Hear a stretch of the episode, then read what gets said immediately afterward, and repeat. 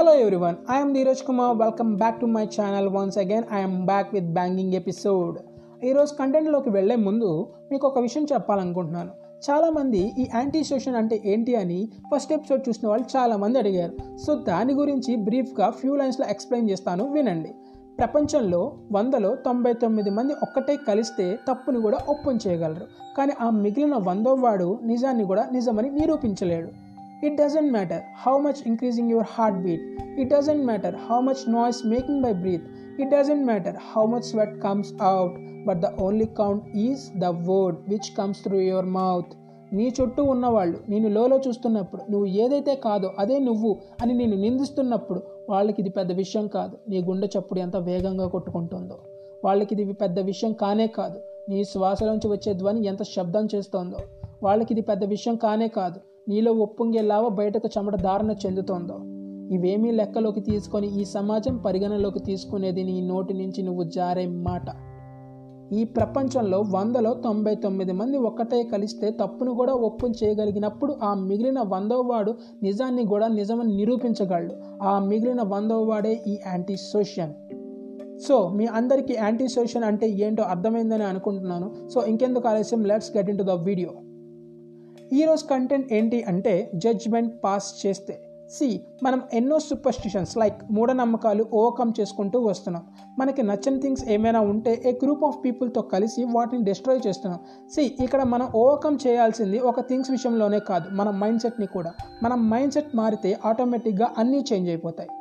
ఈరోజు టాపిక్ వచ్చేసరికి judgement pass చేస్తే. ఇది లైఫ్లో అన్నీ చూసేసి ఒక సర్టెన్ ఏజ్ వచ్చాక రిటైర్స్ అయిపోయిన అంకుల్స్కి అంకితం అనమాట అండ్ వన్ మోర్ థింగ్ ఈ వీడియో ఎవరికి పిన్ పాయింట్ చేసి చెప్తుంది అయితే అస్సలు కాదు. బట్ ఈ కంటెంట్ విన్నప్పుడు మీకు ఎక్కడైనా తగిలితే ఈ వీడియో ఖచ్చితంగా మీకోసమే. ఈ డిస్కషన్స్ అన్నీ ఎక్కువగా పల్లెటూరులో జరుగుతూ ఉంటుందన్నమాట. ఎలాగా అంటే ఖాళీగా ఉంటూ అలా పార్క్లో ఫ్రెండ్స్తో కూర్చుని ఎక్కడ లేని రాజకీయాల గురించి ఎక్కడ లేని గాసిప్స్ రూమర్స్ అబ్బో చాలా మాట్లాడుకుంటూ ఉంటారు. ఇంతవరకు వాళ్ళ ఇష్టం. ఇంకొంతమంది ఎలా అంటే ఈ ప్రపంచంలో జరిగే అన్యాయాలు లేదా వాళ్ళకి నచ్చిన థింగ్స్ ఏమైనా జరుగుతున్నా తెగ సతమతమైపోతూ ఉంటారనమాట ఏదో ఈ ప్రపంచాన్ని వాళ్ళే ఉద్ధరిస్తున్నట్టు. అలా ఒక వ్యక్తి తన ఫ్రెండ్తో కలిసి ఒక చిన్న ఫంక్షన్కి అటెండ్ అయ్యాడు. అక్కడ అమ్మాయిలందరూ వీళ్ళకి నచ్చని వస్త్రధారణలో ఉంటే చాలా లాజిక్లు మాట్లాడుకుంటూ ఉంటారనమాట అంటాడు ఒక ఆయన అబ్బబ్బే ఈ రోజుల్లో అమ్మాయిలకి ఎలా ఉండాలో ఎలాంటి బట్టలు వేసుకోవాలో అస్సలు తెలియట్లేదండి. ఆ అమ్మాయిని చూడండి అసలు వీళ్ళేంటో ఆ బట్టలు ఏంటో నాకు ఏం అర్థం కావట్లా. మన కాలంలో ఆ రోజులే వేరు. ఆ కట్టు ఆ బొట్టు ఆ నడవడిక అని తెగ సతమతమైపోతూ ఉంటాడు. ఇక్కడ ఒక చిన్న విషయం ఏంటి అంటే అవతల వాళ్ళ సిచ్యువేషన్ తెలుసుకోకుండా మనం ఎలాంటి జడ్జ్మెంట్స్ అనేది పాస్ చేయకూడదు. సి ఎగ్జాంపుల్గా ఒకటి చెప్తాను వినండి. మనం చిటికి వేస్తే ఏ పని అయిపోదు. అనుకున్న వెంటనే ఏది జరిగిపోదు. దానికి తగ్గ ఎఫర్ట్స్ మనం పెట్టాలి. ఒక కుటుంబం ఒక తల్లి ముగ్గురు కూతుర్లు ఇంటికి పెద్ద దిక్కులేడు సో ఆ కుటుంబ భారం మొత్తం ఆ పెద్ద కూతురు మీద పడుతుంది. చెప్పా కదా చిటిక వేస్తే మనం అనుకున్నదల్లా అయిపోదు మనం అనుకున్న జాబే రావాలని అస్సలు లేదు. దేవుడి దయవల్లో ఇంకెవరి దయవల్లో ఒక ఫ్యాషన్ డిజైనింగ్ దాంట్లో ఒక అమ్మాయికి జాబ్ వచ్చింది అనుకుందాం. ఎవరైనా ప్రొఫెషన్కి తగ్గట్టుగానే వాళ్ళ డ్రెస్ సెన్స్ ఉంటుంది ప్రొఫెషన్ పరంగానే వాళ్ళ బిహేవింగ్ కూడా ఉంటుంది. అంత మాత్రాన ఒకళ్ళ డ్రెస్ సెన్స్ బట్టి వాళ్ళ బిహేవింగ్ బట్టి మనం వెంటనే వాళ్ళని జడ్జ్మెంట్ అనేది పాస్ చేయకూడదు. మీ జమానాలో ఆడవాళ్ళు వేరు ఆ రోజులు వేరు అప్పటి కాలం వేరు. ఇప్పుడున్న ఈ కాలంలో బ్రతకడానికి వాళ్ళ ఎదుగుదలకి చాలా మార్గాలు ఉన్నాయి. ఆ రోజుల్లో తక్కువ. అందుకే మీ జమానాలో ఆడవాళ్ళు చాలామంది ఇంటికే పరిమితం అయ్యి తల్లిదండ్రుల ఎదుటే ఉండేవారు. ఈ కాలంలో అమ్మాయిలు కూడా అబ్బాయిలతో పాటు పోటీకి వస్తూ అన్ని రంగాల్లో అలరిస్తున్నారు. అంటే వాళ్ళకి లైఫ్లో ఏదో సాధించాలని తపన. కొన్ని కొన్ని పరిస్థితుల్లో మనకి నచ్చని విధంగా ఉండకపోవచ్చు. కానీ అది వాళ్ళ జీవితం. తన కాళ్ళ మీద నిలబడే ఏ అమ్మాయికైనా తను ఎలా ఉండాలో చెప్పే హక్కు మనకి లేదు.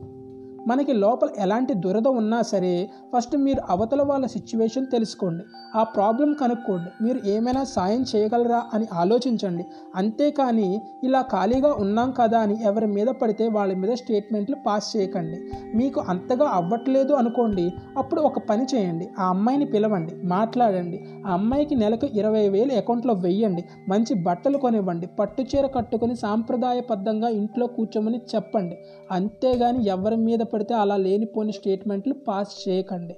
కాలమే మనకి అన్నీ నేర్పిస్తుంది. అండ్ ఇంకోటి ఈ మాట నేను చెప్పింది కాదు మన పెద్దవాళ్ళు చెప్పింది కాలానుసారం మన ఆలోచన నడవడిక కూడా మారాలి అని. మేం మారాం. మీరు మారారా లేదా అనేది చెక్ చేసుకోండి.